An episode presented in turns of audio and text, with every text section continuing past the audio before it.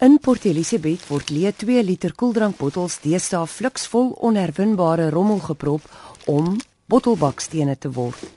Hiermee gaan 'n kleuterskool klaskamer gebou word. Een domme se jong argitek van die baai en sy vriendin Ilse Stegman staan aan die stuur van die projek wat hulle die Eco Brick Exchange noem. Een verduidelik hoe jy so 'n bottelbaksteen bou. Ag, jy vat elke elke plastiek wat jy kan nie herwin nie en jy jy stop dit in en jy kompres jy druk dit met 'n stokkie of 'n lepel of ietsie en dit moet baie hard wees. Die gewig moet soos 400 tussen 400 en 600 gram wees. Mense kan nou onherwinbare plastiek hier insit. Dis kyk wat sien in. Ehm um, maar nie ou teesakkies en goed nie. Nee nee nee, moet plastiek wees en dinge wat nie kan gewyn word soos uh polystyrene, PET trays, uh toothpaste tubes, cosmetic tubes. Ou tandeborsel? Ja. Hulle moet seker net die kop afsny dan. Ja, ja, things that don't rot and things that don't smell. Papier en karton? Yeah, well, paper is recyclable. So, um, photographs, um, that waxy card that comes in boxes, you can't recycle that. So everything litter, basically. Um, there's things that look like alum, like foil, but it's actually not. That's perfect.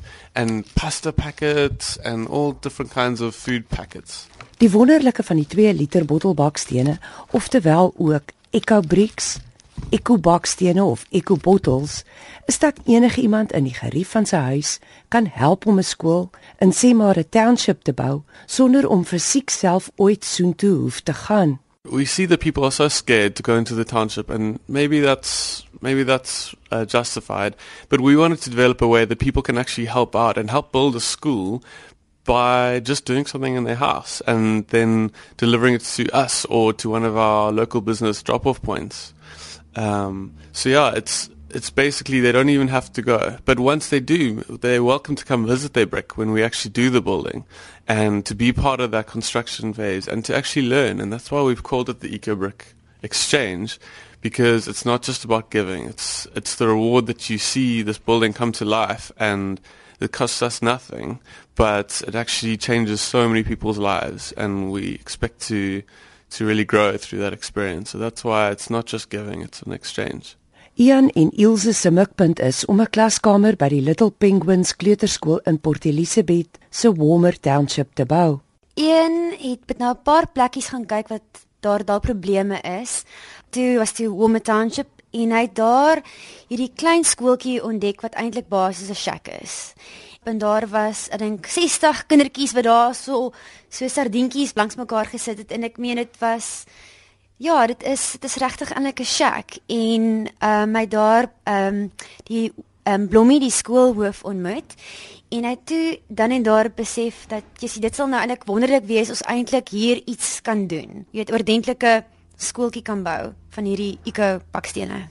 Een verduidelik hoe hulle op die bottelbaksteen idee gekom het. Ons was besig om in um Greyton te bietjie vakansie hou. En toe ons met die um vriende van ons dit gehoor en ons het gesien hoe hulle 'n toilet um wou gemaak en I found it very interesting. And so when I came back, I actually researched it where it came from and it was actually in Guatemala where it first was invented and thereafter it's been in Nigeria, it's been in Brazil and Serbia. So I actually saw that it was a very easy construction type. Volgende jaar Februarie wil hulle begin bou. Voordan sal hulle tussen 7 en 8000 van hierdie bottelbakstene nodig hê. Die vraag is of hulle dan al soveel sal hê, want dit duur gemiddeld 'n week om 'n leë 2 liter bottel prop en stewig vol te pak. Ons gaan verseker genoeg kry. Um, ek is so verbaas. Dis nie net mense in die baie wat so entoesiasties is nie, maar ek meen as ek net praat ehm um, met ander mense sê in Manos Londen en selfs in die Kaap. Ja, ek meen daar's 'n ongelooflike reaksie en ek dink ons gaan definitief nie net genoeg nie, maar tog meer. We've actually been so amazed at how enthusiastic people have been and so generous with donating their time and their help and their ideas. Um, we've been at markets and we've been at expos and it's just been overwhelming the, the help that we've been given. There's some um, some kids actually just did this. We, they heard about that we were doing this. Some kids in the township, and they actually. I was surprised at how quickly and how fast they did this because it takes us like roughly a week per eco brick, and you know within one week I went and fetched, and then suddenly there were 14 there, and you know. Um, a really kind granny in Blue Water Bay. She cut up everything. I mean, her husband couldn't even. She would just make her husband finish the chocolate so she could grab the wrapper and put it in there. And yeah, so we've got. I think we've got about 80 here, um, and we also often we give away starter bricks that's got like a third of the plastic full and then we give it to somebody and we say here fill this because otherwise they think it's a good idea but they don't get started. So it's it's quite a challenge to motivate people to start because it is a time. And it's actually a great gateway project because a lot of people didn't recycle because they thought what's the point of just them recycling?